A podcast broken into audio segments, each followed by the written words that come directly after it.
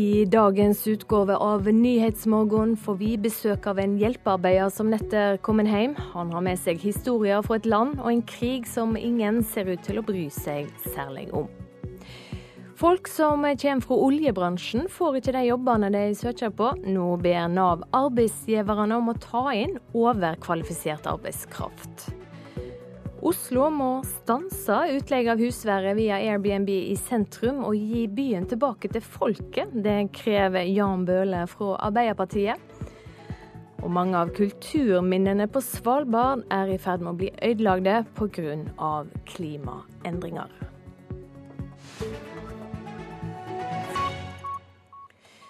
Men først. Mange syke mennesker med dårlig økonomi vil kanskje ikke ta seg råd til å gå til fysioterapi neste år, selv om de trenger det. Det sier stortingsrepresentant Heidi Greni fra Senterpartiet. Budsjettforliket betyr at over 200 000 mennesker må betale en egendel på opp mot 1990 kroner hvert år. Ikke alle syke har råd til det, ifølge Greni. Det er jo først og fremst kronikere, de som har størst behov for fysioterapi. Og eh, Min bekymring er jo at mange av dem er også dem som, har, eh, som lever på en eh, liten uførepensjon, og som ikke vil ta seg råd til å ha fysioterapibehandling hver uke. Og i neste omgang så vil de kanskje da få en dårligere funksjonsevne og få større behov for hjemmesykepleie, og kanskje i neste, siste instans havne tidligere på et sykehjem. Så jeg mener det her er en veldig dårlig idé òg samfunnsøkonomisk. Trafikkskadde, de med medfødte hjerneskader, folk med nevrologiske lidelser og artrose eller multippel sklerose, MS, samt parkinson. De deler samme utsikter. I budsjettforliket gikk Venstre og Kristelig Folkeparti med på å fjerne diagnoselisten, som i fjor ga 230 000 pasienter med bestemte sykdommer gratis fysioterapi. Barn skal likevel få gratis behandling, og leder av helse- og omsorgskomiteen på Stortinget, Fremskrittspartiets Kari Kjønaas Kjos, sier egenandelen innføres for å sikre likebehandling. Det skal være et likt tilbud til alle som har behov for fysioterapi, uavhengig av en diagnose, men at det er helsetilstanden som bestemmer det. Og det andre er fordi at kommunene i enda større grad skal ta vare på og følge opp sine innbyggere slik at de kan leve så gode og selvstendige liv som mulig. Dette er en del av opptrappingsplanen for rehabilitering. Sånn forsto ikke Arbeiderpartiets Freddy de Ruiter det da han var på talerstolen i finansdebatten på Stortinget i går kveld. Fjerning av den såkalte diagnoselista innebærer at tusenvis av pasienter får en ekkel julegave av regjeringa og deres støttepartier. En julegave som betyr at de får en ekstraregning på 1990 kroner rett over nyttår for bruk av nødvendig fysioterapi. Han spurte om kronisk syke med dårlig råd må stramme inn ekstra nå til jul, for å ha råd til økte egenandeler neste år. Fjerning av diagnoselisten for fysioterapibehandling sammen med et rammekutt til kommunene betyr at pasientene betaler for omleggingen. Det mener leder Fred Hatlebrekke i Norsk Fysioterapiforbund. Her er det disse store gruppene som, eh, som fra tidligere har eh, dårlig økonomi, og som, som med stor sannsynlighet vil eh, få vanskeligheter til å benytte seg av tjenesten. Reporterer Hedvig Bjørgum og Anders Magnus. Oslo må gjøre som Barcelona og andre europeiske byer og sette en stopper for det omfattende utleie av husrom via Airbnb. Det krever stortingsrepresentant Jan Bøhler fra Arbeiderpartiet. Han vil at husværet i sentrum skal være for folk som bor der fast, framfor å være en måte å tjene penger på for de som eier flere bosteder. Det er et stort problem at uh, opptil 40% av leilighetene som selges i Oslo, de kjøpes opp av folk som ikke skal bo der selv, men som skal bruke dem f.eks. til utleie via Airbnb. Jan Bøhler er storbypolitisk talsmann for Arbeiderpartiet på Stortinget. Han mener at konsekvensene av denne businessen er negative for de som vil bo i byen. Og Det fører jo til at uh, alle de som trenger bolig i Oslo, får mye større problemer med å skaffe seg leilighet. Bare på de relativt nye boligprosjektene Barcode, Tjuvholmen og Sørenga i hovedstaden finner vi flere titalls leiligheter som er lagt ut på Airbnb.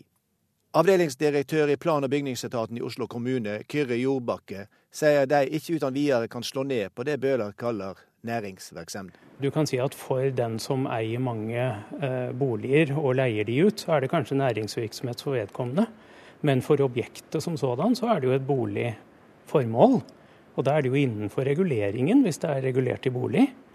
Mens hvis det derimot har mer karakter av uh, hyppig utskiftning, at det er folk som kommer og går hele tiden, så det blir mer sånn hotellvirksomhet, da er det jo uh, snakk om at det er næringsvirksomhet i, i bygget. Men også han tror det kommer reguleringer på dette området. Og Det som skjer nå med at vi får opp sånne problemstillinger som dette her, det aktualiserer dette, og da vil vi ta det opp. Reporter Bjørn Atle Gildestad. Også i dag er det statsbudsjettet som er hovedoppslag i flere aviser. Budsjettdrama holder fram, rapporterer Aftenposten. men forskere mener regjeringa pynter på klimatallene, flørter venstretopper med Arbeiderpartiet. Dette betyr budsjettet for deg, skriver VG. Avisa forteller hvordan neste års statsbudsjett slår ut på skole, jobb, familie, pensjon, bil og bostad. Her kan de lide nederlag, skriver Dagsavisen, som har funnet fram til sakene uten avklaring i statsbudsjettet. Det gjelder bl.a. finansskatten og taxfree-ordninga. I Trøndelag frykter NVE nye kvikklereras. Regnet tar en pause i dag, men meteorologene venter ny nedbørsrekord i morgen, skriver Adresseavisen. Sylvi Listhaug pryder Dagbladet si framside. Hun er intervjua om asyljakt, feministbråk og nestekjærleik, og sier til avisa at hun ikke angrer på noe. Ei utviding av Bybanen i Bergen til Fyllingsdalen kommer til å koste 6,2 milliarder kroner. Men gir liten vekst i kollektivtrafikken, bare 2,7% flere passasjerer. Det viser kommunen sine egne tall, skriver Bergens Tidende. SV foreslår lakseavgift. Ifølge Klassekampen, en ny skatt på 25 øre per kilo fisk kan gi kommuner med oppdrettsanlegg en kvart milliard kroner i inntekter. Smellen kommer ikke ennå, sier den Monaco-baserte investoren Arne Fredly til Dagens Næringsliv. Han frykter ingen boligboble, og nå har han satsa en ny halv milliard i norske banker. Fagfolka har landa på at den snaut 900 år gamle domkirka i Stavanger bør kalkes hvit for å ta vare på murveggene. Det skriver Stavanger Aftenblad. Katedralen var hvit i flere hundre år, fram til rundt 1865. Avgifta på anleggsdiesel har økt 72% under regjeringa Solberg. Klimaeffekten er marginal, mener Maskinentreprenørenes forbund, og det sier de til Nasjonen.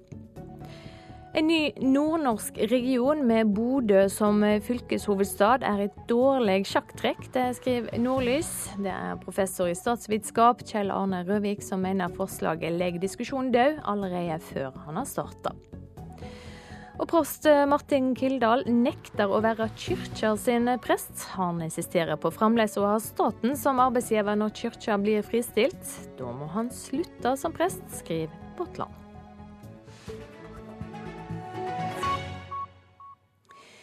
Minst 10 000 mennesker er drepne pga. borgerkrigen i Jemen de siste par åra.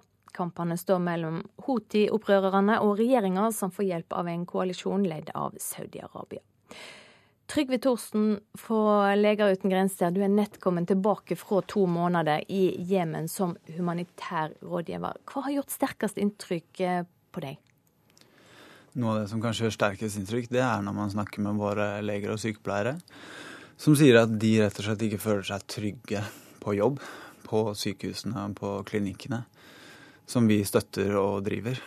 Eh, jeg var bl.a. i Taiz, som er Jemens tredje største by, hvor kampene nå over de siste 20 månedene har vært noen av de hardeste i landet.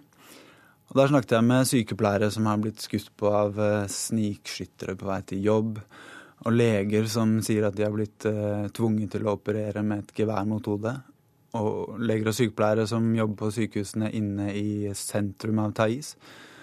Hvor flere av sykehusbyggene har blitt truffet, ble, blitt beskutt med tunge våpen. Sånn at både bygg og, og, og medisinsk utstyr har blitt ødelagt. Og sånn skal det ikke være. Leger og sykepleiere skal ikke føle seg redde for å gå på jobb. Så sykehus og helseklinikker er faktiske militære mål? De har blitt truffet eh, flere ganger, både av flyangrep og av eh, etter bakkekamper. Vi, fire av de eh, sykehusene som vi driver, har jo blitt bomba og fullstendig ødelagt. Og det er dessverre bare en liten del av alle sykehus og helse, helseklinikker som har blitt eh, ødelagt i Jemen. Nesten eh, eller kring to år med borgerkrig. Hva gjør det med helsetilbudet til de 24 eh, millioner innbyggerne i landet? Både det at sykehus og, og klinikker har blitt direkte ødelagt, og at mange leger og sykepleiere, ansatte, har blitt tvunget til å flykte.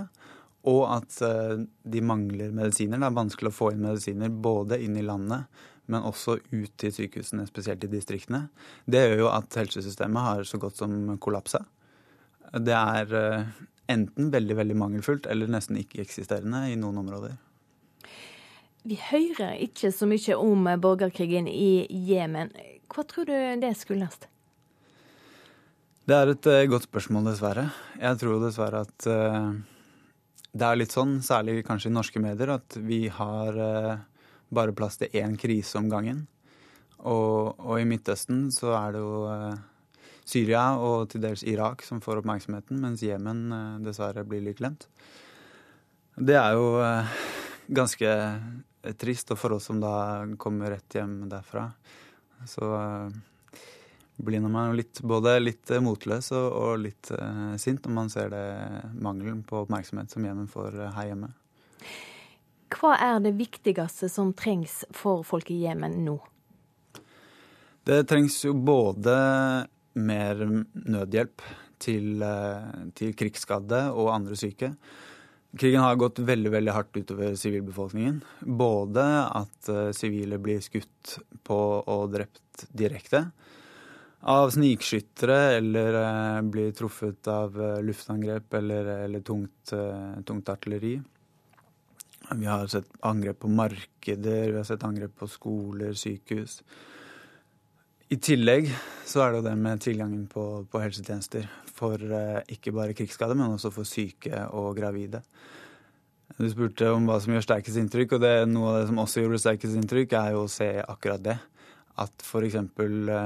Nyfødte blir født hjemme fordi mødrene ikke kan komme seg på, på sykehuset.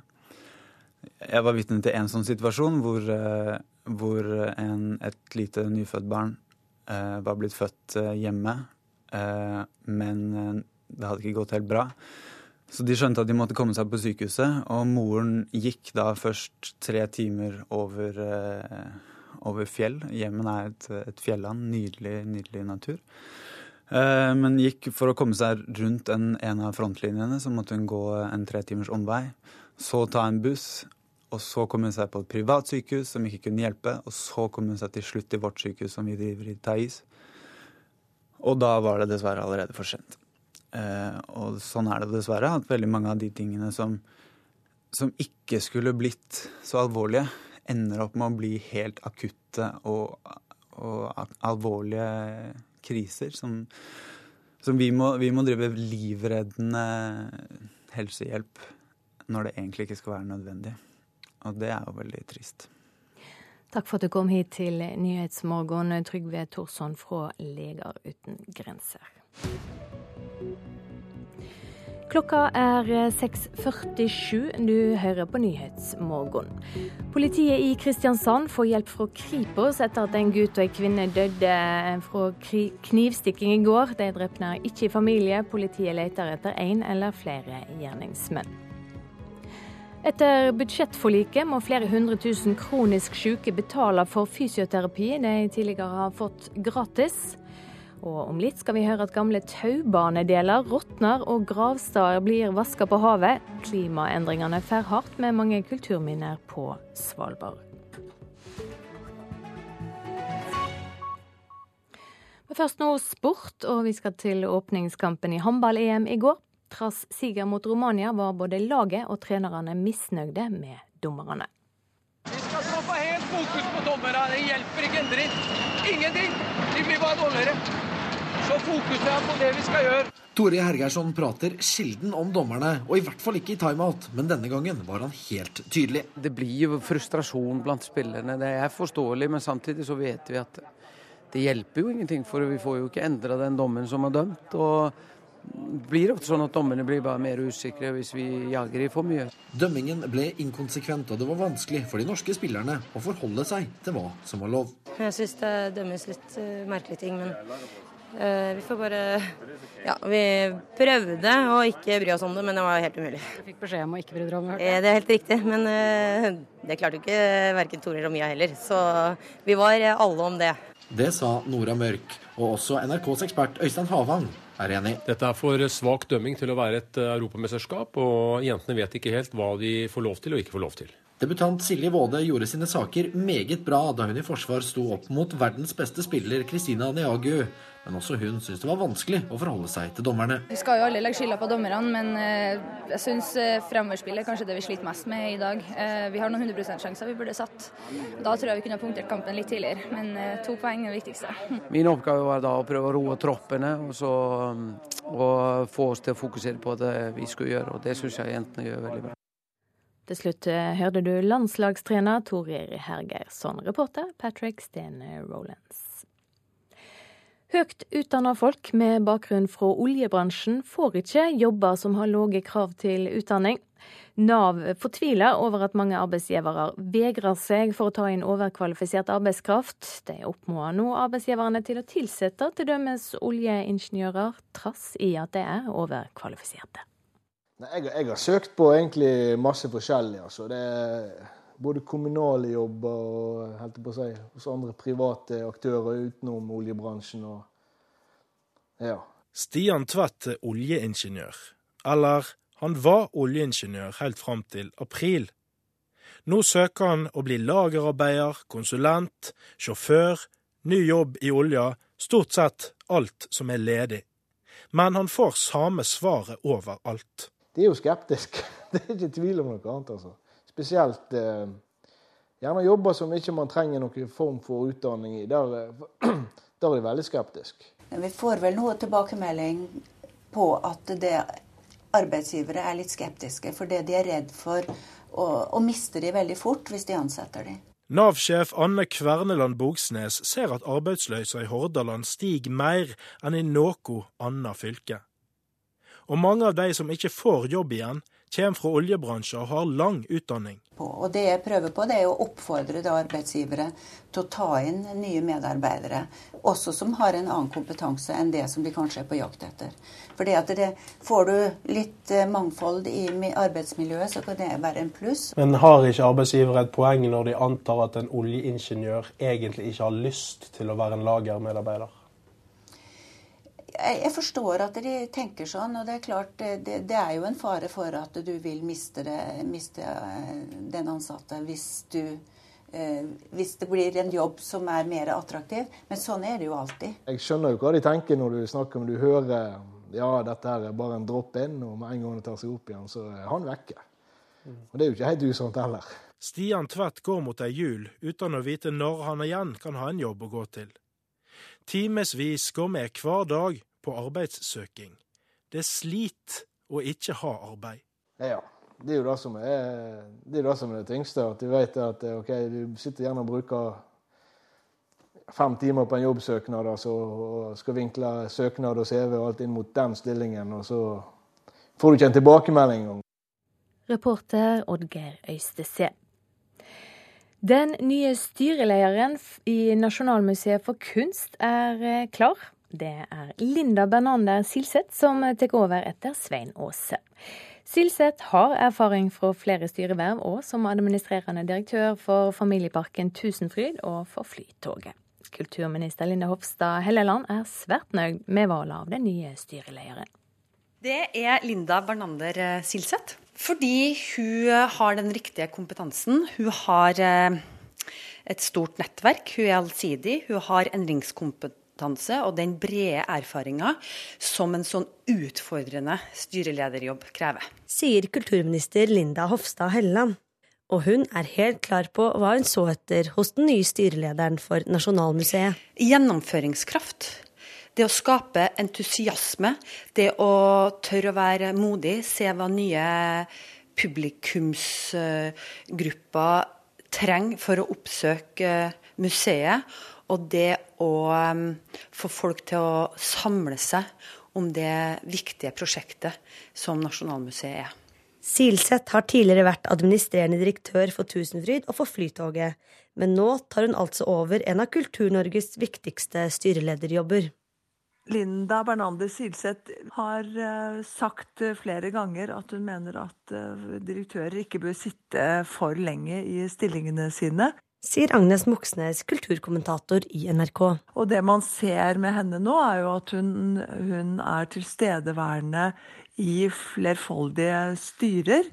Og ble jo da er jo tydeligvis populær blant denne regjeringens kulturministre. Toril Vidvei ga henne ansvaret som styreleder for Norsk Tipping. Og, og nå har hun da også da fått uh, en av de viktigste styrelederjobbene i norsk uh, kulturliv. Men har hun noe særlig mm, kulturkompetanse? Man kan jo på sett og vis si at hun har en, en kulturkompetanse, både som, eh, med erfaringene sine fra Tusenfryd, men hun har også sittet i, i styret for eh, da Stavanger var kulturhovedstad, så noe kunnskap eh, har hun nok om, om kulturlivet. Men det som kjennetegner henne, og som nok er også typisk for de valgene denne regjeringen gjør, er at hun har mye eh, bredere kompetanse innenfor næringsliv enn eh, innenfor kulturlivet. Reporter her Mari Sand Malm. Så til eh, Svalbard, der ei rekke kulturminner er i ferd med å bli ødelagte pga. klimaendringer. Gamle taubanebukker råtner, og gravsteder står i fare for å bli vaska på havet. Nå haster det med å få kulturminnene dokumenterte og berga, det sier riksantikvar Jørn Holme. I forhold til eh, klimas påvirkning på kulturminner, så er den for Norges del mest dramatisk på Svalbard. I 400 eh, år har mennesket satt sitt eh, fotavtrykk på Svalbard i form av graver, fangsthytter og bergverksanlegg. Man trodde at disse kulturminnene skulle bevares til evig tid i den kalde, tørre arktiske ørkenen, men den gang ei. Klimaendringer merkes også på Svalbard, hvor varmerekordene har stått i kø de siste årene. For eh, kulturminnene har varmere vær dramatisk betydning. Det forteller arkeolog Per Kyrre Reimert, som har jobba på Svalbard i mer enn 40 år. Det som har skjedd, er jo det at det blir kortere tid det ligger is i fjordene. Og når man da får kortere tid med is, så får bølgene lengre tid til å jobbe i fjæra. Og da spiser bølgene seg innover til der hvor kulturminnene er. Og kulturminnene detter i havet og står i fare for å dette i havet. Det er jo kulturminner som er veldig sårbare. Det kan eksempelvis være graver etter fangstmenn. Vi har ca. 800 fangstmannsgraver på Svalbard. De ligger i strandsonen, de aller fleste. Og det var veldig sterkt å kunne være med på en arkeologisk utgraving på slutten, hvor tre av disse gravleggelsene faktisk måtte berges før eh, havet tok eh, fangstmennene. Men også rundt Longyearbyen står velkjente kulturminner i fare. Taubanebukkene de pryder jo hele Longyearbyen, og der oppe øverst over sysselmannsbolig, der ligger Taubanesentralen som er fredet. Men disse taubanelinjene er nå virkelig i fare fordi termafrosten smelter og, og disse stokkene råtner opp eh, fortere enn noen gang. slik at eh, Mye av det som vi syns er så unikt med Svalbard i forhold til forhistorien, er nå i en ganske kritisk situasjon. Det er jo helt riktig at klimaendringene går raskere i Arktis og på Svalbard enn de gjør ellers. Sier miljøvernminister Vidar Helgesen, som har det politiske ansvaret for kulturminnene på Svalbard. Vi må både forsøke å forebygge klimaendringene med aktiv klimapolitikk, men så må vi også tilpasse oss klimaendringene fordi de faktisk skjer. Eh, vi har jo allerede gjort noe på Svalbard. Vi flyttet jo Fredheim fangsthytte fordi vi måtte unngå at den skulle rase ut, f.eks. Og det å få registrert kulturminnene, det å få registrert hvilke som er i faresonen, og så bli enige om tiltak for å eh, få gjort noe med det som er viktigst, det blir viktig å gjøre nå fremover. Av alle kulturminner i Norge, og Svalbard er en del av Norge, så er det disse som er mest utsatt. Det sa riksantikvar Jørn Holme til reporter Rune Norgård Andreassen. Så skal vi ha værmeldinga. Det kommer inn et lågtrykk mot Nord-Norge, og det fører til en del vind på kysten av Nordland, Troms og Finnmark. I Nordland og Troms blir det sørvest stiv kuling, kortvarig sterk kuling på kysten. Finnmark får sørlig, senere vestlig opp i stiv kuling utsatte steder i ettermiddag. Spredde snøbyger først på dagen. Senere er det venta snø, men utover dagen blir det stigende temperaturer. Langs kysten regn først på dagen. Kysten av Vestlandet og Møre og Romsdal får sørlig frisk bris, liten kuling mellom Sognefjorden og Stad. I sør blir det opphold og til dels fint vær, men noe skyer enkelte steder. Vestlandet sør for Stad kan få lokal skodde og skyer som kommer inn fra vest. Det blir kaldere.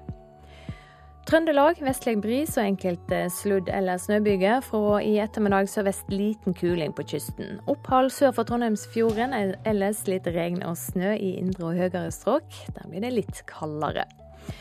På Spitsbergen nordøstlig liten kuling utsatte steder i sør, ellers nordlig opp i frisk bris. Snøbyger i nord og lengst sør, ellers delvis sky og opphold, og det blir kaldere der. Så tar vi med de temperaturene som er kommet inn fra klokka fire. Svalbard lufthavn minus 15. Kaldest i dag. Kirkenes med minus 21. Tromsø-Langnes 0. Bodø 2. Brønnøysund 2. Molde 1. Kristiansand-Kjevik minus 1. Gardermoen minus 5. Lillehammer minus 2. Røros hadde minus 4 grader. NRK P2.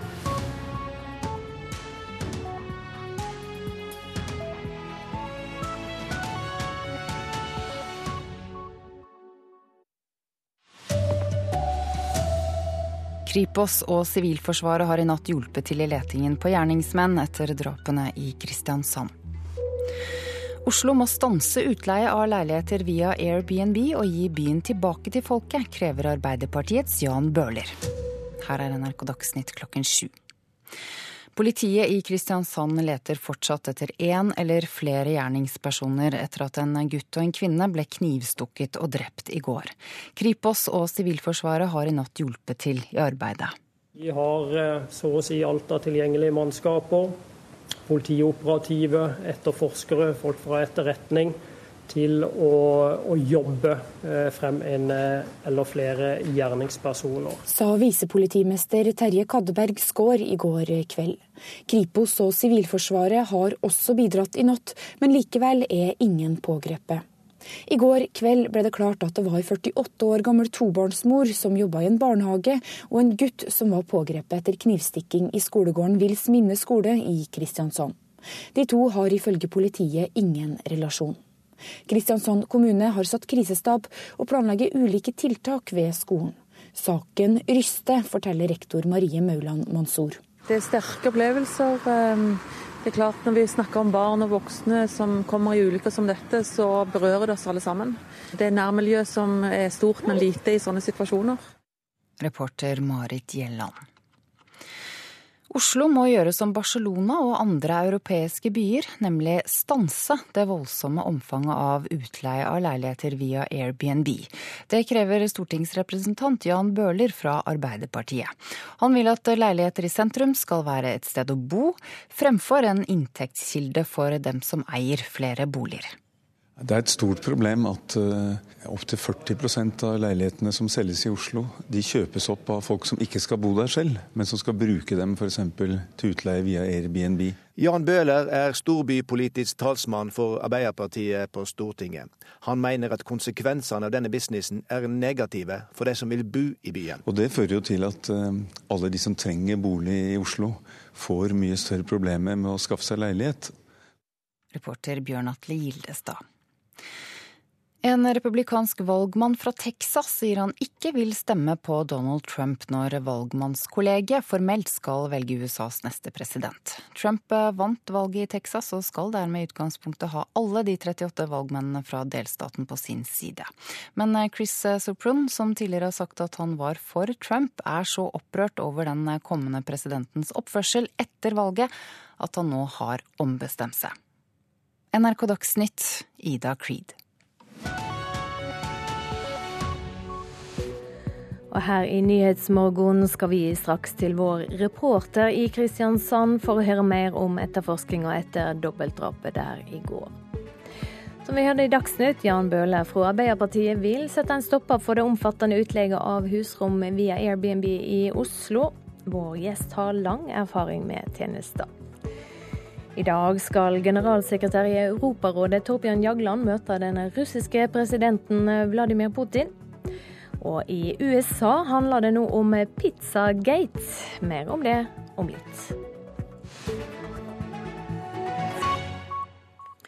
Da skal vi rett til deg, reporter Anne Torhild Nilsen. Du er på Vils minneskole i Kristiansand, der altså et 48 år gammel kvinne og en gutt ble drept i går. Hvordan er situasjonen der nå?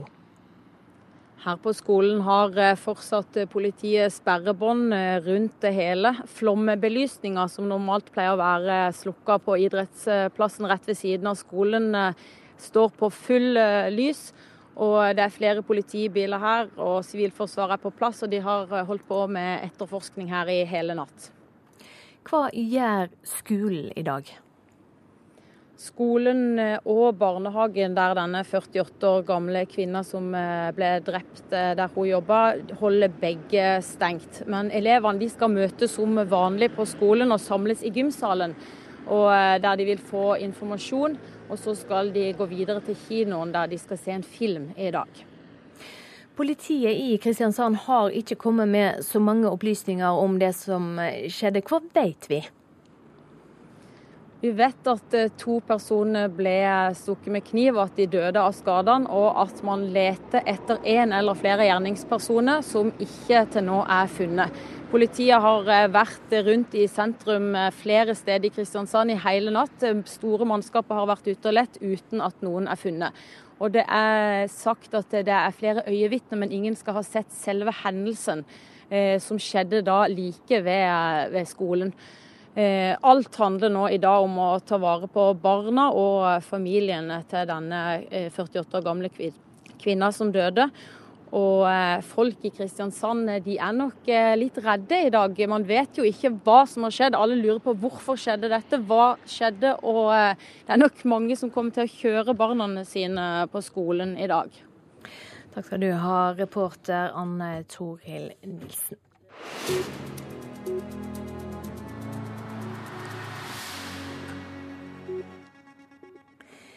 Oslo må gjøre som Barcelona og andre europeiske byer og sette en stopper for det omfattende utlegget av husrom via Airbnb. Det krever stortingsrepresentant Jan Bøhler fra Arbeiderpartiet. Han vil at husværet i sentrum skal være for folk som bor der fast, framfor å være en måte å tjene penger på for de som eier flere bosteder. Det er et stort problem at uh, opptil 40% av leilighetene som selges i Oslo, de kjøpes opp av folk som ikke skal bo der selv, men som skal bruke dem f.eks. til utleie via Airbnb. Airbnb, den rimelige løsninga for mange som ikke har råd til eller vil bo på hotell. Via nettjenester kan du leie private rom hos folk over hele verden, eller du kan leie hus eller leiligheter, og dette øker voldsomt. En av de som driver utleie i Oslo, som vi har snakka med, men som ikke vil på lufta, forteller at han eier sju leiligheter, og det er dette han og kona lever av. Han betaler skatt og driver innenfor lover og regler. Jan Bøhler er storbypolitisk talsmann for Arbeiderpartiet på Stortinget.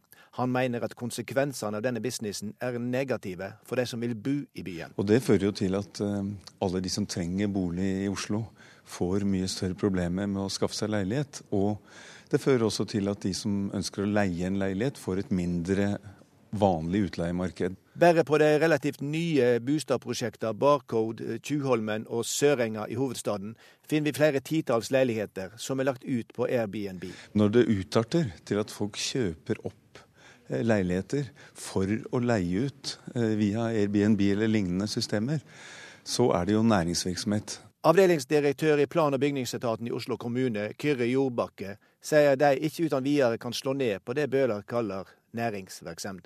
Du kan si at For den som eier mange eh, boliger og leier de ut, så er det kanskje næringsvirksomhet for vedkommende. Men for objektet som sådan, så er det jo et boligformål. Og da er det jo innenfor reguleringen, hvis det er regulert i bolig.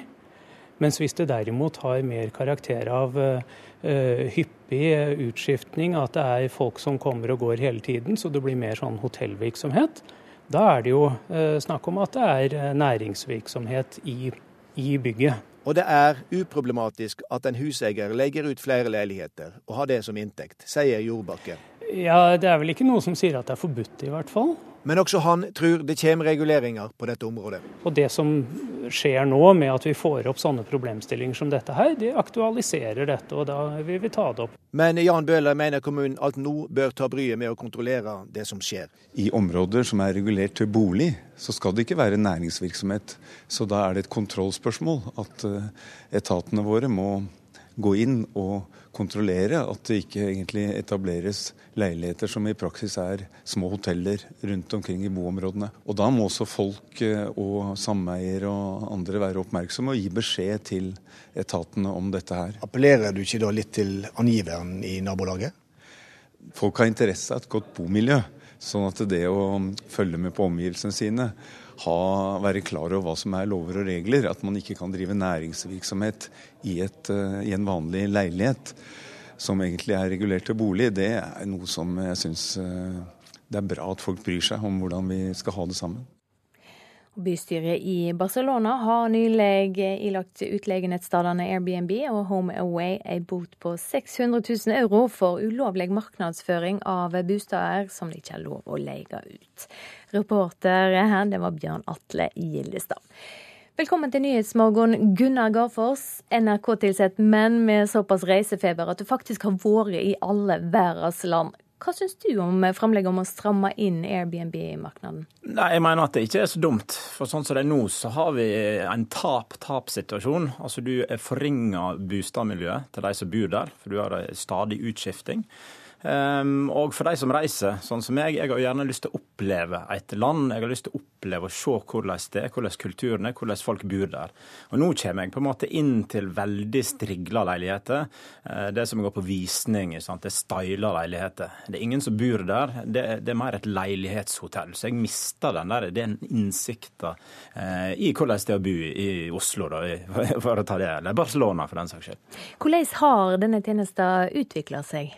Nei, altså den, Vi har jo mange lignende tjenester. Akkurat Airbnb er relativt ung, eh, men eh, jeg legger jo merke til at jeg har profesjonalisering av Airbnb-tjenester. Tidligere var det sånn at jeg traff, jeg traff eieren, han eller hun eller de som bodde der. Eh, I Hellas bodde jeg en periode, og jeg hadde et par som her satt ned og, og nesten ble kjent med meg, nesten intervjua meg før jeg skulle bo der ei uke. Altså, de hadde lyst til å vite hvem som skulle komme inn, og det ga meg en kjempesjanse til å bli kjent kjent. Eh, og få, spørs, og svare på, få svar på spørsmål om hva jeg bør gjøre. Nå er det gjerne en person som ikke har noe tilhørighet, så er det å levere en nøkkel. og, eh, og knapt nok kjenner til nabolaget. Eh, så det er en ganske kraftig profesjonalisering, da, i stor grad. Har du sjøl opplevd at de oppleving av en by, et land, er ødelagt av for mange andre turister i samme hus? Nå er jeg jo kanskje den, eh, en, av de turistene som reiser mest i Norge. Eh, men jeg liker jo ikke å være med mange andre turister. Eh, for jeg har lyst til å bli kjent med de som bor der.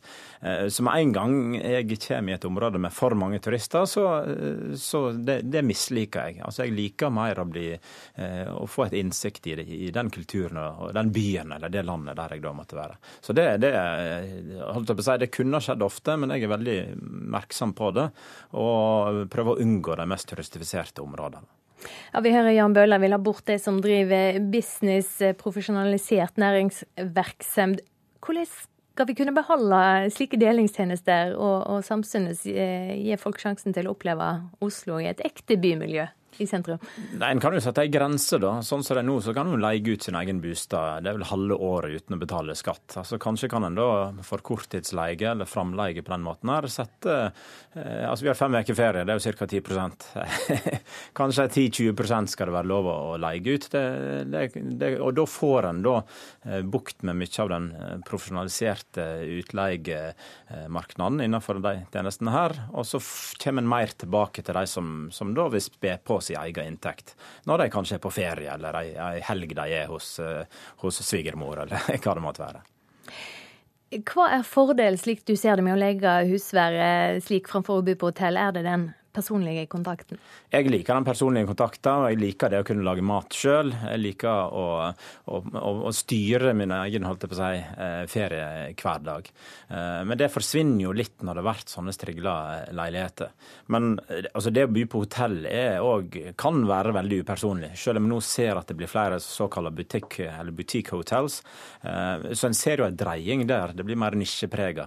Og Det kan godt hende vi ser med det her òg, med Airbnb, at du får flere nye tjenester som da mer garanterer brukerne, eller kundene, da mer unike, genuine altså, experiences. Opplevelser.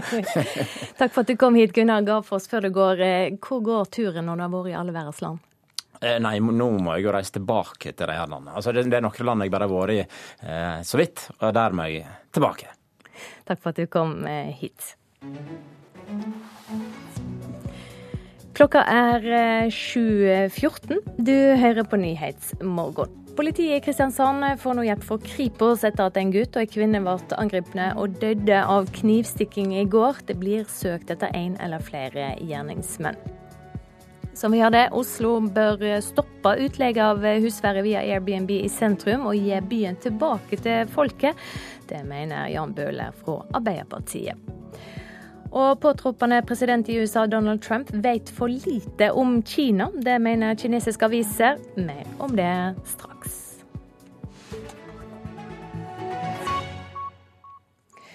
Demokrati og menneskeretter i Russland er tema når Europarådets generalsekretær Torbjørn Jagland skal møte den russiske presidenten Vladimir Putin i dag. Jagland har tidligere kritisert den russiske lova som stempler mange ikke-statlige organisasjoner som fremmede agenter. Korrespondent Morten Jentoft i Moskva. Jagland blir altså mottatt på aller høyeste nivå i Russland? Han gjør det, og det er kanskje det mest interessante med dette besøket. At uh, han også da får møte den russiske presidenten uh, Vladimir Putin. Og uh, det er jo det som gjør dette besøket interessant. Ligger det noe politisk i dette?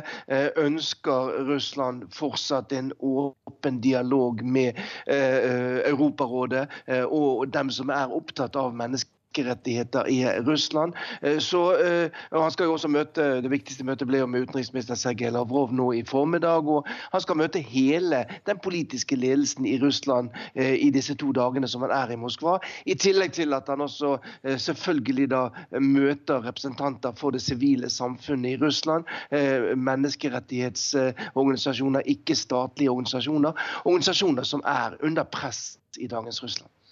Ja, hva betyr denne lova som snakker om fremmede agenter for eh, nettopp disse ikke-statlige organisasjonene? Ja, det er klart at Dette eh, er en, en, en lov som eh, nå ligger tungt som et press over alle ikke-statlige organisasjoner i eh, Russland. Og flere av de aller viktigste av dem har allerede blitt stemplet som eh, fremmed agent. Loven sier altså at organisasjoner som eh, mottar noen form for eh, støtte fra utlandet og som er engasjert i politisk arbeid, de skal da stemples som fremmede agenter. Hver gang en representant for denne organisasjonen opptrer i en eller annen forsamling, så må han si at 'jeg er en fremmed agent'. På alle skrivene som de sendes ut, må det også stå 'jeg er en fremmed agent'. Og det er klart at for veldig mange uh, uh, ikke-statlige organisasjoner så er dette en helt uholdbar situasjon. Det gjelder bl.a. Uh, eh, organisasjonen som har spilt en viktig rolle for å forsøke å få til mer demokratiske valg i Russland. Og Det gjelder også f.eks. det anerkjente meningsmålingsinstituttet Levada, som også eh, har vært truet med å bli stemplet som eh, fremmed agent eh, med henvisning til denne loven. Ja, Putin tar imot Jagland i dag. Eh, forrige uke var han vel noe mer vennlig stemt mot Vesten i sin tale til nasjonen. Er dette tegn på en ny linje fra eh, Russland?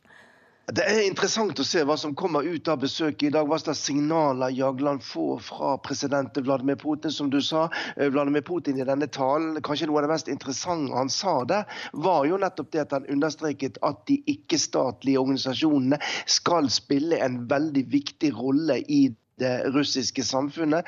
Og sånn som ting fungerer her i Russland i dag, så er alle signaler som kommer direkte fra presidenten, viktige. De eh, er signaler som nøye blir lest, som forplanter seg nedover i systemet. Da får vi se da om disse signalene som vi fikk i forrige uke, eh, bygger på realiteter. Om det virkelig er slik at eh, russiske myndigheter nå ønsker å slakke litt på grepet rundt de ikke-statlige organisasjonene. Det er kanskje noe av det vi kan få litt mer signaler om gjennom dette besøket til Jagland her i Moskva i dag og i morgen. Morten Jentoft med fra Moskva. Til Brasil nå, der møter domstolene stadig mer motstand i sin kamp mot korrupsjon.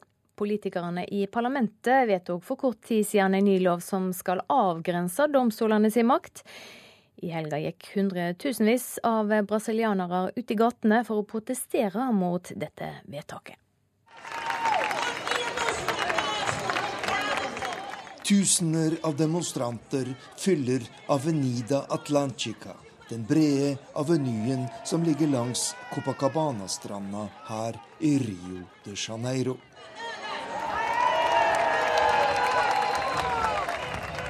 Protestene retter seg mot korrupte politikere og deres forsøk på å hindre at de blir etterforsket og dømt. Brasils underhus, Kongressen, vedtok nylig en ny lov som skal gjøre det lettere å gripe inn overfor dommere som etterforsker korrupsjonssaker. Og for demonstrantene her i Rio er dette et klart forsøk på å stanse kampen mot korrupsjon her i Brasil. Jeg tror último jeg mener at det er slik, sier en av demonstrantene, Marcio Figueredo, her fra Rio. Disse nye lovforslagene innebærer jo en radikal kursendring når det gjelder kampen mot korrupsjon. Det er åpenbart at korrupte politikere nå mobiliserer av alle krefter fordi de frykter at de blir de neste som blir tiltalt og fengslet av korrupsjonsjegerne, sier han. Brasilianerne har de siste par årene vært vitne til en bølge av arrestasjoner av fremtredende politikere og forretningsfolk. Petrobras-skandalen, der landets statsoljeselskap ble svindlet for flere titalls milliarder kroner, har ført til en rettsprosess Brasil aldri har sett maken til. Det er ingen tvil om at det vi har opplevd her i Brasil den siste tiden, er noe helt nytt, sier Eudoxia Fernandes, som deltar i demonstrasjonen. Denne kampen mot korrupsjonen gir håp om en bedre fremtid for Brasil. Derfor må vi gjøre alt for å hindre at korrupte politikere stanser rettsvesenet i dets kamp for et ærlig samfunn, sier hun. Det sa vår reporter i Rio de Janeiro, Arnt Stefansen. Donald Trumps irrasjonelle utskjelling av Kina viser hvor lite han vet om landet. Det skriver den kinesiske partiavisa Folkets Dagblad på lederplass i dag. Tiraden kommer etter at Trump i helga snakka med Taiwans president på telefon. Det var den første direkte diplomatiske kontakt mellom en valgt president i USA og Taiwan på 37 år.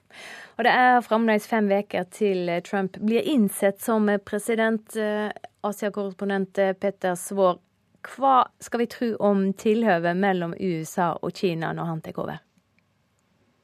Som det ser ut akkurat nå, er Trump-administrasjonen på kollisjonskurs med Kina. Det betyr at verdens to største økonomier og hverandres største handelspartnere nå kan være på vei inn i en veldig turbulent periode. Én ting er jo Trumps telefonkontakt med Taiwans eh, president Tsai Ing-wen i helgen, som bryter med 37 års eh, amerikansk eh, Kina-diplomati. Taiwan-spørsmålet, eventuell anerkjennelse av Taiwan som selvstendig stat, er jo blant de mest sensitive spørsmål her i Kina. Men Trump støppet jo heller ikke der. Han har vært aktiv på Twitter i helgen og spurte bl.a. om Kina hadde spurt USA om det var greit å devaluere sin valuta og gjøre det vanskeligere for amerikanske selskaper å konkurrere. Eh, og selv om man her i Beijing har svart litt avventende på dette, så har Kina nå klaget eh, til Utenriksdepartementet i Washington, og det er spenning knyttet til hvordan forholdet med USA utvikler seg videre nå. Var denne samtalen med Taiwans president en tabbe, eller var det gjennomtenkt? Det er et veldig godt spørsmål, og det er to teorier om det. Den ene er at eh, Trump er så kunnskapsløs og uerfaren at han ikke forsto rekkevidden av hva han gjorde. Den andre teorien er at dette var svært gjennomtenkt. Og Trumps rådgivere har de siste dagene bl.a. til avisen Washington Post understreket at dette var en samtale forberedt lenge i forveien. Det er også mange amerikanske konservative stemmer som har støttet det Trump gjorde, som mener at den amerikanske Taiwan-politikken har vært for unnvikende, for urealistisk at man later som at Taiwan ikke finnes, og at dette ikke kan fortsette. USAs tidligere FN-ambassadør under George Bush, John Bolton, sa f.eks. at eh, USAs president snakker med den han vil, og at Kina ikke har noe med å blande seg i hvem presidenten prater med. Kort til slutt, Peter. Trump har sagt han vil stemple Kina som valutamanipulator og innføre straffetoll på kinesiske varer. Kommer det til å skje? Det er få som tror at Trump vil starte en handelskrig med Kina. Til det er kostnadene for høye. Det er for mange amerikanske arbeidsplasser som også avhenger av eksport til det kinesiske markedet.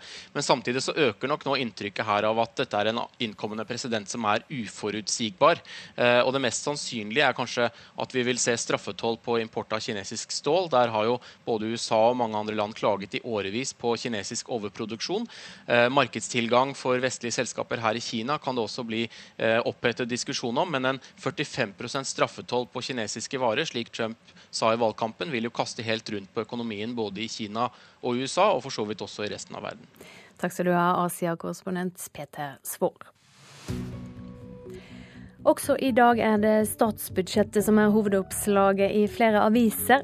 Budsjettramma holder fram, rapporterer Aftenposten, medan forskere mener regjeringa pynter på klimatallene, flørter venstretopper med Arbeiderpartiet.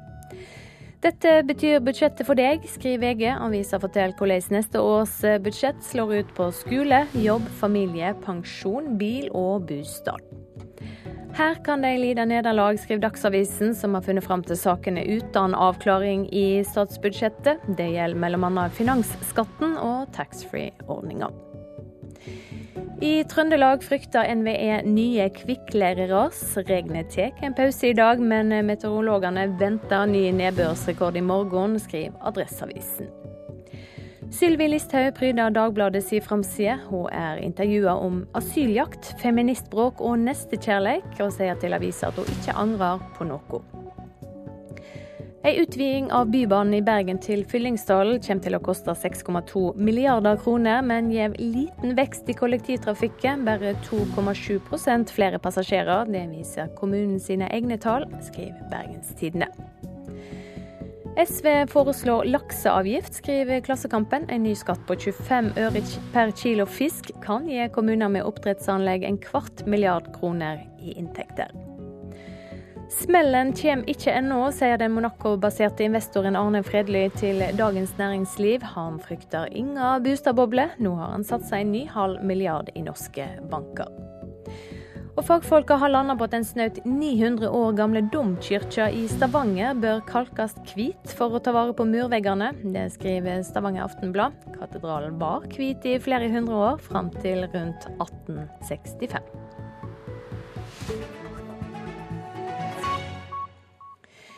I USA har falske nyheter og konspirasjonsteorier toppa overskriftene det siste døgnet.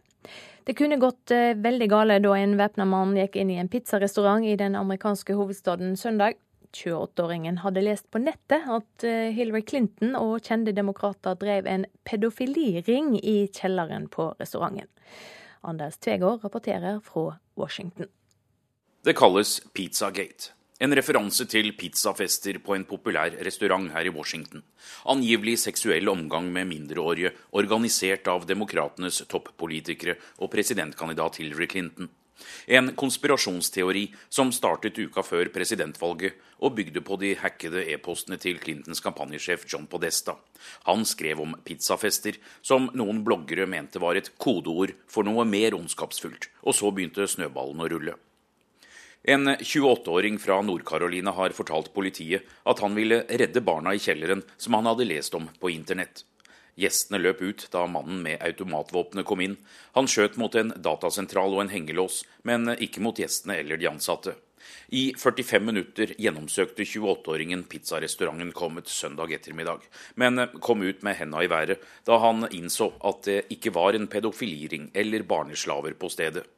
I går ble tobarnsfaren siktet for bl.a. overfall med farlig våpen, og torsdag er det ny runde i retten. People are very brave behind their keyboard. You know, people are writing all these hateful messages, but you don't actually think that someone's going to do something about it. When I've heard it, I was like, well, it's so fake.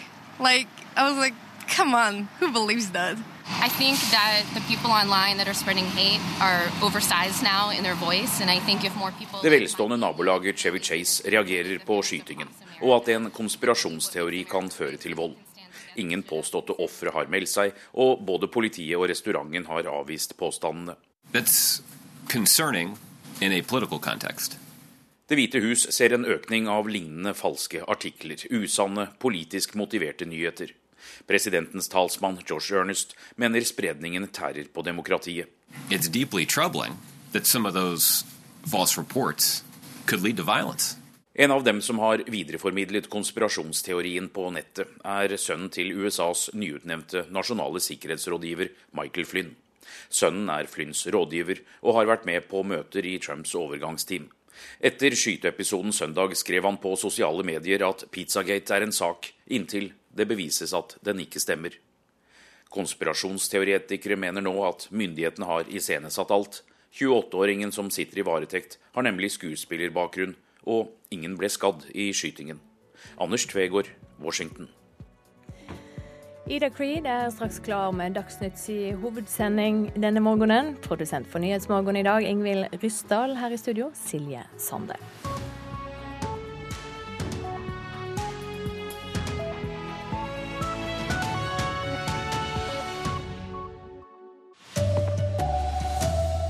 Kripos og Sivilforsvaret har i natt hjulpet til i letingen på gjerningsmenn etter drapene i Kristiansand.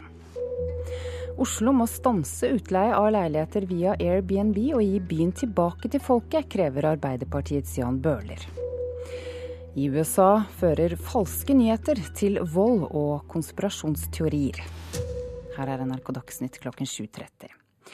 Politiet i Kristiansand leter fortsatt etter én eller flere gjerningspersoner etter at en gutt og en kvinne ble knivstukket og drept i går. Kripos og Sivilforsvaret har i natt hjulpet til i arbeidet. Vi har eh, så å si alt av tilgjengelige mannskaper.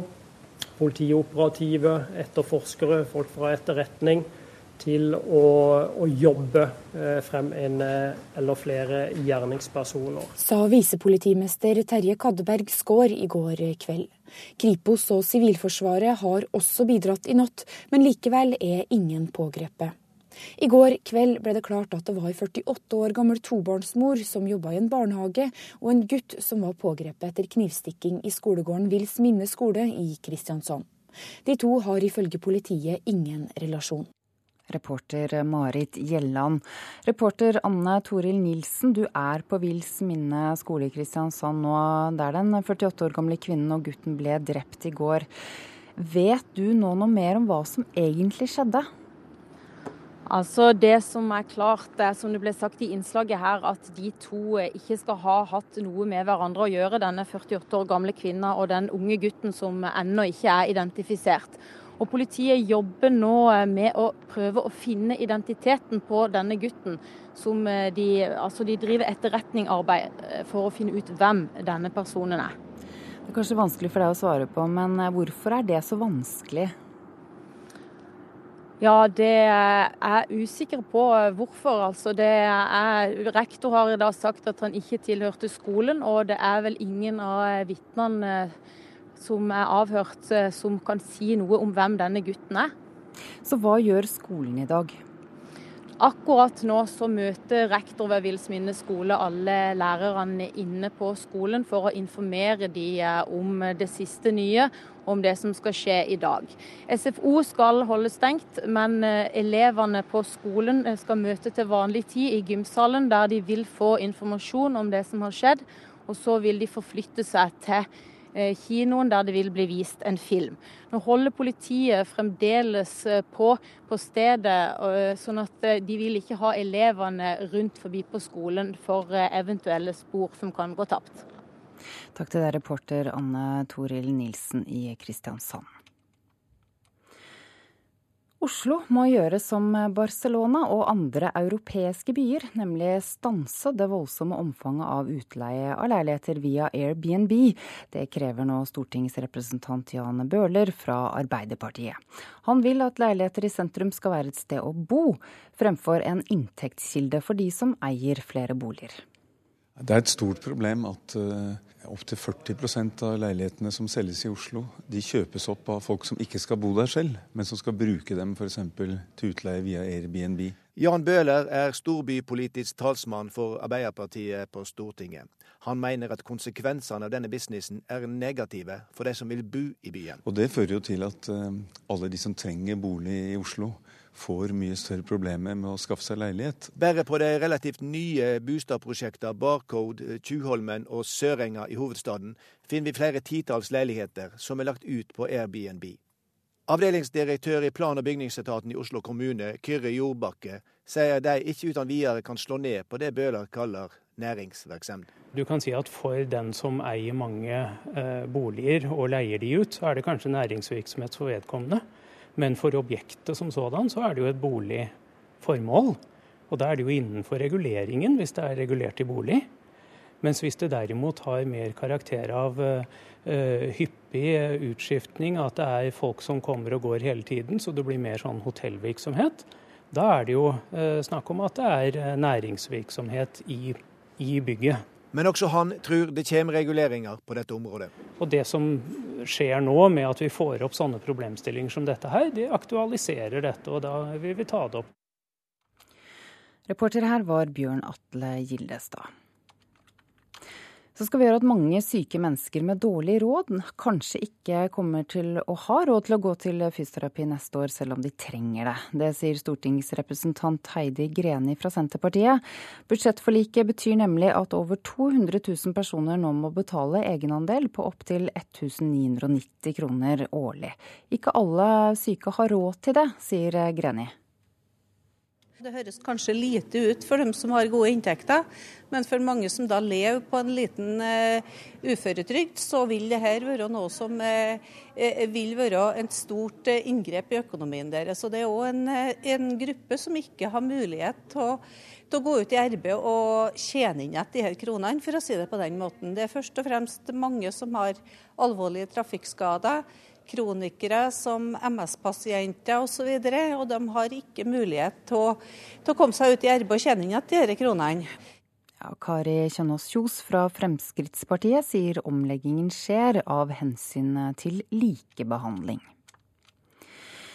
I USA har debatten rundt falske nyheter toppet overskriftene det siste døgnet. Det kunne gått galt da en væpnet mann gikk inn i en pizzarestaurant i den amerikanske hovedstaden på søndag. Mannen hadde lest på nettet at Hillary Clinton og kjente demokrater drev en pedofiliring i restaurantens kjeller. En 28-åring fra Nord-Carolina har fortalt politiet at han ville redde barna i kjelleren som han hadde lest om på internett. Gjestene løp ut da mannen med automatvåpenet kom inn. Han skjøt mot en datasentral og en hengelås, men ikke mot gjestene eller de ansatte. I 45 minutter gjennomsøkte 28-åringen pizzarestauranten kommet søndag ettermiddag, men kom ut med henda i været da han innså at det ikke var en pedofiliring eller barneslaver på stedet. people are very brave behind their keyboard. You know, people are writing all these hateful messages, but you don't actually think that someone's going to do something about it. Come on, who believes that? Det velstående nabolaget Chevy Chase reagerer på skytingen, og at en konspirasjonsteori kan føre til vold. Ingen påståtte ofre har meldt seg, og både politiet og restauranten har avvist påstandene. Det hvite hus ser en økning av lignende falske artikler, usanne, politisk motiverte nyheter. Presidentens talsmann George Ernest mener spredningen tærer på demokratiet. It's deeply troubling that some of those false reports could lead to violence. En av dem som har videreformidlet konspirasjonsteorien på nettet, er sønnen til USAs nyutnevnte nasjonale sikkerhetsrådgiver Michael Flynn. Etter skyteepisoden søndag skrev han på sosiale medier at Pizzagate er en sak, inntil det bevises at den ikke stemmer. Konspirasjonsteoretikere mener nå at myndighetene har iscenesatt alt. 28-åringen som sitter i varetekt, har nemlig skuespillerbakgrunn, og ingen ble skadd i skytingen. Anders Tvegård, Washington. Så til eh, åpningskampen i håndball-EM i går. Til tross for eh, seier mot Romania var både laget og trenerne misfornøyde med dommerne. Vi skal stå på helt fokus på dommerne. Det hjelper ikke en dritt. Ingenting. De blir bare dårligere. Så fokuset er på det vi skal gjøre. Torir Heigarsson prater sjeldent om dommerne, og i alle fall ikke i timeout. Men denne gangen var han helt tydelig. Det blir jo frustrasjon blant spillerne. Det er forståelig, men samtidig så vet vi at det hjelper jo ingenting. For vi får jo ikke endra den dommen som er dømt. Og det blir ofte sånn at dommerne blir bare mer usikre hvis vi jager i for mye. Dømmingen ble inkonsekvent, og det var vanskelig for de norske spillerne å forholde seg til hva som var lov. Jeg syns det dømmes litt uh, merkelige ting, men uh, vi får bare ja, vi prøvde å ikke bry oss om det, men det var helt umulig. Du fikk beskjed om å ikke bry deg om det? Eh, det er helt riktig, men uh, det klarte jo ikke verken Tore og Mia heller. Så vi var alle om det. Det sa Nora Mørk etter kampen. Også NRKs håndballekspert Øystein Havang var enig. Dette er for svak dømming til å være et europamesterskap, og jentene vet ikke helt hva de får lov til og ikke får lov til. Debutant Silje Våde gjorde sine saker meget bra da hun i forsvar sto opp mot verdens beste spiller Kristina Niagu, men også hun synes det var vanskelig å forholde seg til dommerne. Vi skal jo alle legge skylda på dommerne, men jeg syns fremoverspillet er kanskje det vi sliter mest med i dag. Vi har noen 100 sjanser vi burde satt. Da tror jeg vi kunne ha punktert kampen litt tidligere, men to poeng er det viktigste. Min oppgave var da å prøve å roe troppene og, så, og få oss til å fokusere på det vi skulle gjøre, og det syns jeg jentene gjør veldig bra. Ja, Til slutt hørte du landslagstrener Torir Hergeirsson, og reporter var Malin Jørnholt. Det siste som har kommet frem i etterforskningen av drapene i Kristiansand i går, er at den drepte gutten ikke var elev ved Wills minneskole der drapene skjedde. Ansvarlig for Dagsnytt, Erlend Rønneberg. I studio, Ida Creed.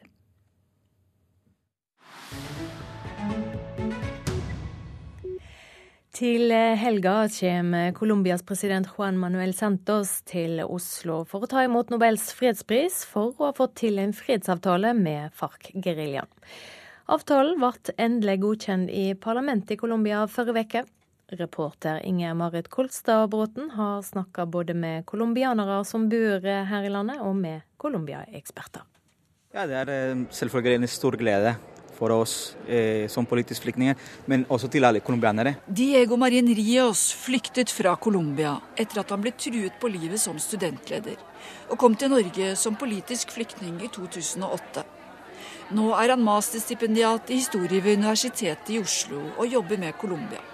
Han mener det er store muligheter for å få fred i hjemlandet etter over 50 år med krig. Eh, det er veldig store. Alle de politiske partiene i Kongressen er med eh, i denne fredsprosessen. Det er bare ett politisk parti som, som fortsatt sier nei.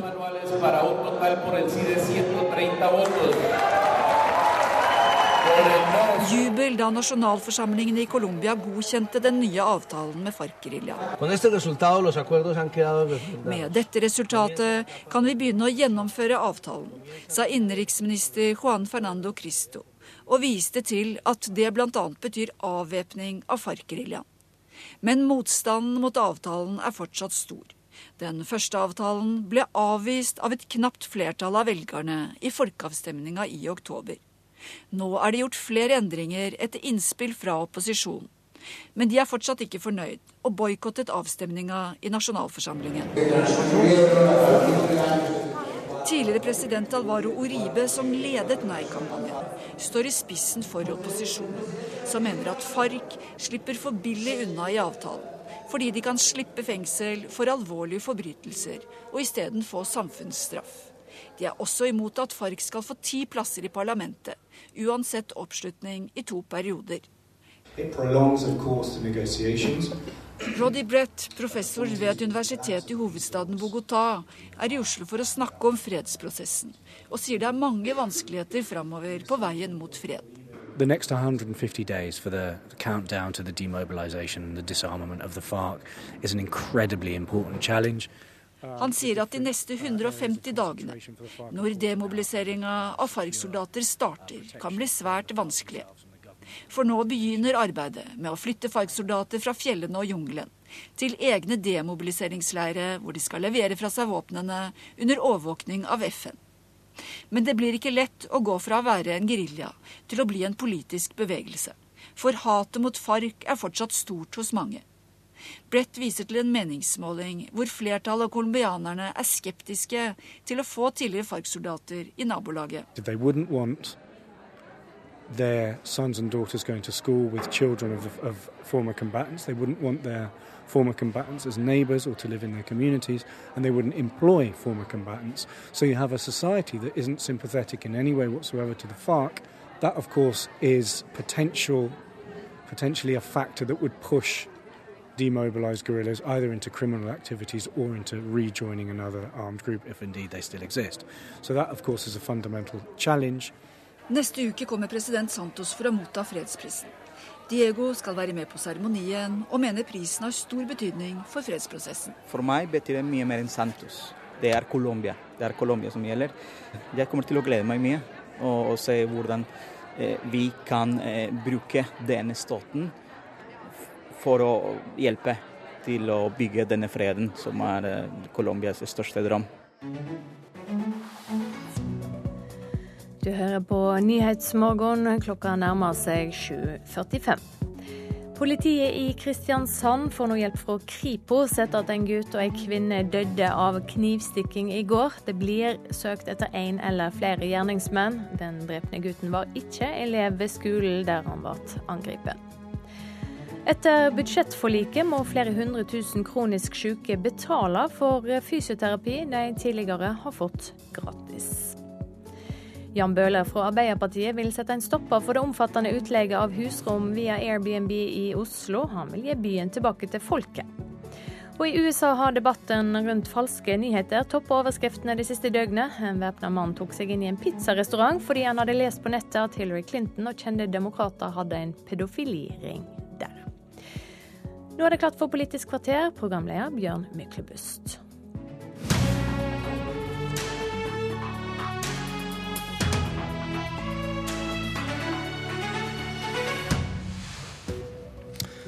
Jeg har fått besøk av eliten i studio.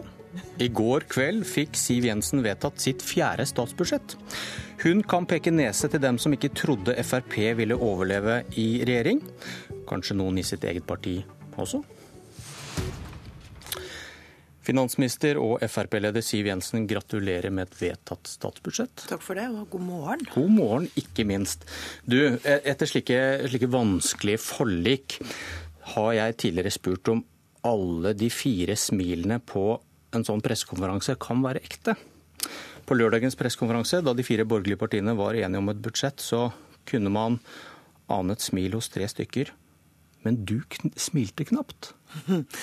Jeg tror jeg smilte, jeg òg. Eh, men jeg var sliten, det må jeg innrømme. Det har vært ordentlig tøffe forhandlinger. Eh, og det har nok gått inn på oss alle fire, fordi vi har jo forsøkt å finne løsninger. Eh, og det klarte vi jo til slutt. Men det har vært reelle politiske dragkamper. Det tror jeg ingen må være i tvil om. Vi får se om vi skal ta det som et tegn på misnøye med forliket eller ikke. Vi får høre hva du, hva du, hva du sier. Du, først, hva, hva skjer hvis to parter møtes i et forhandlingsrom med hvert sitt ultimatum? Det er jo sånn at uh, politikk handler om for alle uh, parter å få størst mulig gjennomslag. Så har det vært mye diskusjon frem mot, eller gjennom hele disse budsjettforhandlingene om det såkalte ultimatumet, som handlet om at statsministeren og jeg, før vi la frem statsbudsjettet, presenterte denne etter hvert mye omtalte bilpakken. Det har en forhistorie. Det strekker seg til et, tilbake til et landsstyrevedtak i Fremskrittspartiet som satt veldig langt inne for oss. Men vi valgte å strekke oss i retning av å øke drivstoffavgiftene mot en kompensasjon for bilistene. Fordi vi hadde inngått en avtale med Kristelig Folkeparti og Venstre i forbindelse med budsjettet forrige år. Hvor vi visste at vi var nødt til å ta grep knyttet til det grønne skatteskiftet. Ok, Men hva skjer hvis to parter møtes i et forhandlingsrom med hvert sitt ultimatum? Det er sånn at igjen, alle partiene som har samarbeidet om budsjettet, har hatt veldig klare synspunkter, standpunkter, som de har ønsket å gjennomføre. Derfor har forhandlingene vært harde. Er det noen andre som har hatt et ultimatum på bordet? Vært, jeg refererer aldri fra forhandlinger. Det får partiene gjøre selv. Jeg registrerer bare at vi har hatt krevende forhandlinger. Hvor vi kom ut med et resultat hvor alle fire har fått gjennomslag. Og jeg mener faktisk, helt oppriktig, at vi har respektert hverandres grenser gjennom disse forhandlingene. Men ja, de har vært tøffe. Din nestleder og statsråd Per Sandberg sa til Aftenposten jeg kan love at også fremover vil bli stilt ultimatum. Jeg tror det er et uttrykk for at uh, politikk handler om gjennomslag. Det å være tydelig på uh, hvor grensene går, tydelig på uh, hvorfor man både styrer og, og, ønsker å delta i forlik. Det handler jo om å få gjennomslag. Prøver du å si at du er enig med han? Jeg prøver å si at det å sette um, tydelige grenser, um, si klart ifra til velgerne sine at dette jobber vi for å få til, det mener jeg er en viktig del av politikken. Ja, Er det en ny måte å opptre på for Frp i møte med ja, både Høyre og de to andre samarbeidspartiene, at dere vil sette de grensene tydeligere? At dere vil stille flere ultimatum, som Per Sandberg sier ganske tydelig? Vi har alltid satt grenser. Det har vi gjort gjennom eh, hele denne stortingsperioden. Eh, men vi har også samtidig vist stor vilje til å strekke oss, til å finne løsninger, til å komme andre partier i møte. Det er man nødt til å gjøre når man punkt én sitter i en mindretallsregjering, og punkt to ikke har flertall alene. Men for å lykkes med et samarbeid, så må alle parter få gjennomslag. Eh, og det inkluderer selvsagt også Fremskrittspartiet. Det virker som om noen av og til glemmer det. Vi vil også ha våre gjennomslag. Venstre-leder Trine Skei Grande hun har sagt at hun kunne sittet i regjering med deg men ikke med en del andre i Frp. Hvorfor tror du hun sa det? Det tror jeg hun skal få svare på selv. Men eh, jeg er leder i Fremskrittspartiet, og det jeg gir uttrykk for, er det som er Fremskrittspartiets politikk så syns jo jeg det er litt stigmatiserende å prøve å skape forskjell på meg og andre hardtarbeidende Frp-politikere. Vi er en del av samme parti. Vi ønsker å oppnå det samme resultatet. Og jeg er helt avhengig av det samarbeidet jeg har med alle mine kollegaer i partiet. Enten de sitter på Stortinget, i regjering, eller er kommune, kommunestyrerepresentanter og tillitsvalgte. Er det greit for deg hvis ikke alle i Frp tror på menneskeskapte klimaendringer? Det er greit for meg at folk har ulike meninger om ulike saker, men eh, Fremskrittspartiets program eh, er tydelig på at vi skal eh, jobbe i retning av å bedre både klima og miljø. Vi legger føre-var-prinsippet til grunn. Og vi har også sagt at prinsippet om forurenser betaler må slå inn. Men du syns ikke at det er problematisk hvis sentrale tillitsvalgte faktisk ikke tro på menneskeskapte klimaendringer? Jeg er tilhenger av demokratiske debatter. Eh, Fremskrittspartiets program gjelder eh, basert på at vi har tøffe debatter, særlig opp mot eh, våre landsmøter. Jeg tipper nok vi får en del tøffe debatter på landsmøtet til våren også. Hvor det vil komme mange synspunkter når vi skal utforme vår politikk for neste fireårsperiode. Men du, du tror på det? Jeg er opptatt av å følge opp de forpliktelsene som Norge har påtatt seg. Har... Da må du jo tro på det, ellers er jo utslipp meningsløst. Er, jeg mener det er fornuftig å føre en ansvarlig eh, klima- og miljøpolitikk. Eh, men det er også viktig at vi bruker virkemidler som gir resultater. Eh, at vi klarer å lete etter virkemidler som er positive. Eh, det er jo ikke sånn at eh, de beste løsningene bare nødvendigvis kommer av eh, forbud, påbud, høye avgifter og skatter. Det kan hende at man kan få til positive atferdsendringer gjennom å bruke andre typer virkemidler. Og en av de vi faktisk har lykkes veldig godt med mellom de fire partiene, er jo omleggingen av engangsavgiften som vi påbegynte i inneværende års budsjett, og som nå videreføres i neste budsjett, som betyr at vi raskere enn på veldig mange år får modernisert bilparken vår, som er gammel. Eh, og Det gjør jo at folk nå får råd til å kjøpe seg nye biler som både er eh, sikre, trygge og utslippsgjerrige. Men er du enig i at det er meningsløst å kutte klimautslipp hvis man ikke tror på menneskeskapte klimaendringer? Fremskrittspartiet har forpliktet seg eh, som en del av dette samarbeidet til å følge opp Parisavtalen. Men det var ikke det spørsmålet. Betyr... Er, du, er, du, enig i premisset om at hvis man ikke tror på at menneskene er med på øh, å skape disse og, og påvirke klimaet, så hadde det ikke vært noe vits å kutte. Det må jo ligge i bunn for at Frp nå faktisk skriver under på budsjett som skal kutte store utslipp. Men Den debatten er for lengst over. Det har jeg sittet i dette studioet og sagt før også. Eh, det står i vårt partiprogram. At... Men du svarer liksom ikke helt klart jo, på det nå jo, heller? Men, jo, men jeg skjønner ikke. Du konstruerer en problemstilling som ikke er der. Det står i vårt partiprogram okay. at vi skal vi ta hensyn til dette. Da får vi være enige om spørsmålet var godt eller dårlig. Hvis jeg hadde spurt deg før valget i 2013 kommer bensin eller diesel til å bli dyrere hvis Frp kommer i regjering, hva tror du du hadde svart da? Jeg hadde nok eh, svart det som står i vårt partiprogram, nemlig at vi skal jobbe for å holde skattene og avgiftene lavest mulig. Men det var som jeg sa et tidligere Tror du ikke du hadde svart et blankt nei? Aldri i verden.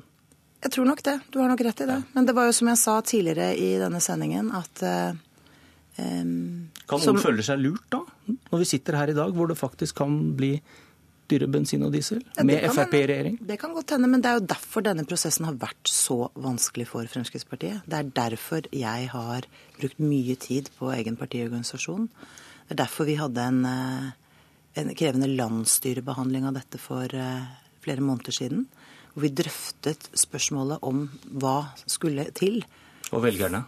Hva skulle til for at Fremskrittspartiet skulle gå med på en eh, mindre, mindre, økning i bensin- og dieselavgiften? Vel, forutsetningen for det fra oss, det var at bilistene skulle kompenseres for det. Derfor har vi fått på plass en avtale som betyr at årsavgiften reduseres, at bompengene utenfor de store byene reduseres, at avskrivningssatsene styrkes, og at pendlerfradraget styrkes. Det har vært vesentlig for oss for å kunne gjøre dette. For da kommer bilistene eh, bedre ut av det. Eh, og da mener jeg at det er greit. Men, eh, basert ja, også på prinsippet om at forurenser skal betale. Jeg har et lite men her. Det har du helt sikkert. Dere har gått med på økt innblanding av biodiesel.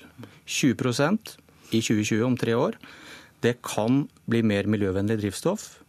Men hva med pumpeprisen? For beregninger fra Norsk petroleumsinstitutt viser at det kan gjøre diesel over 70 øre dyrere per liter. Og var det derfor du ikke smilte på lørdag?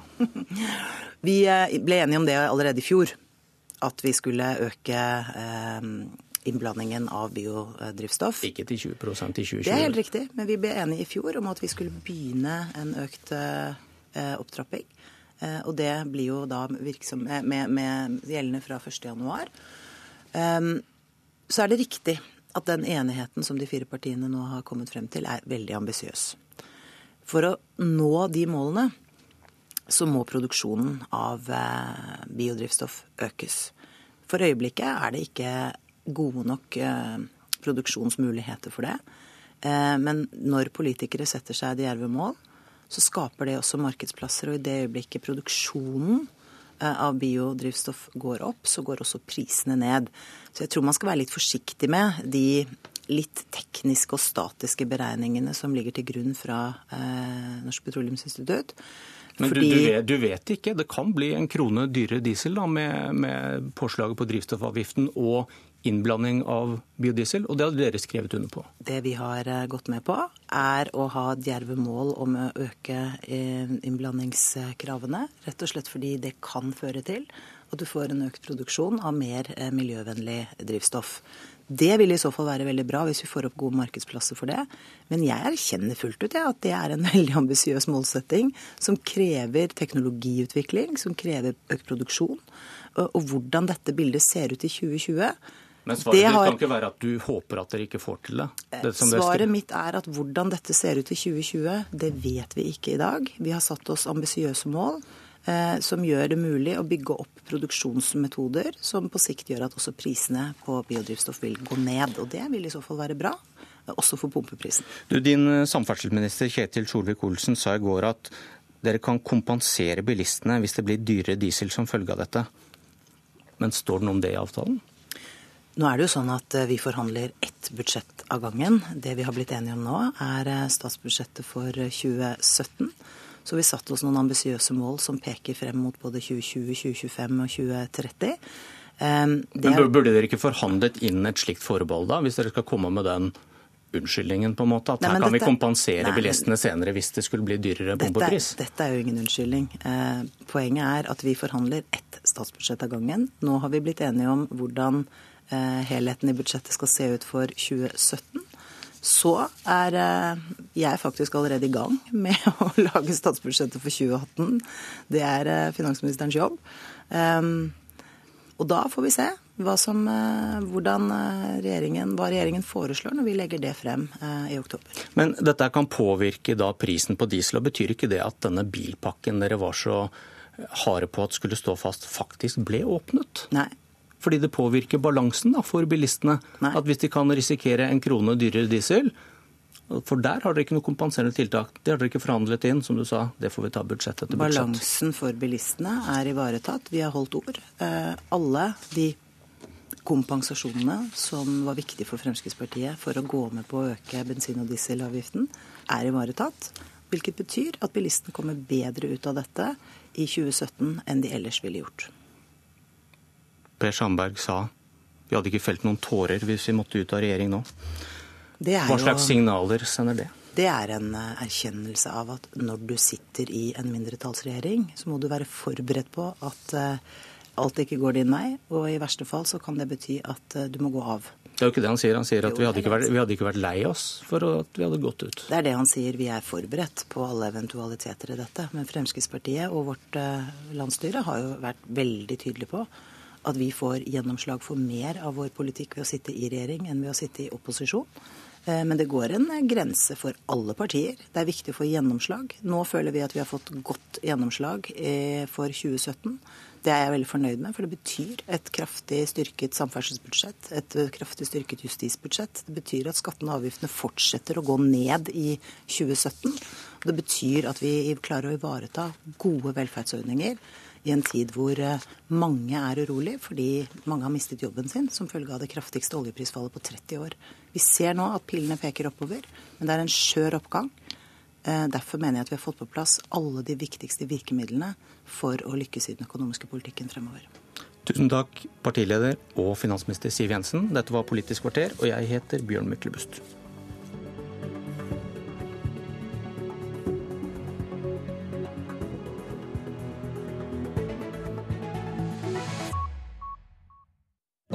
Hør flere podkaster på nrk.no podkast.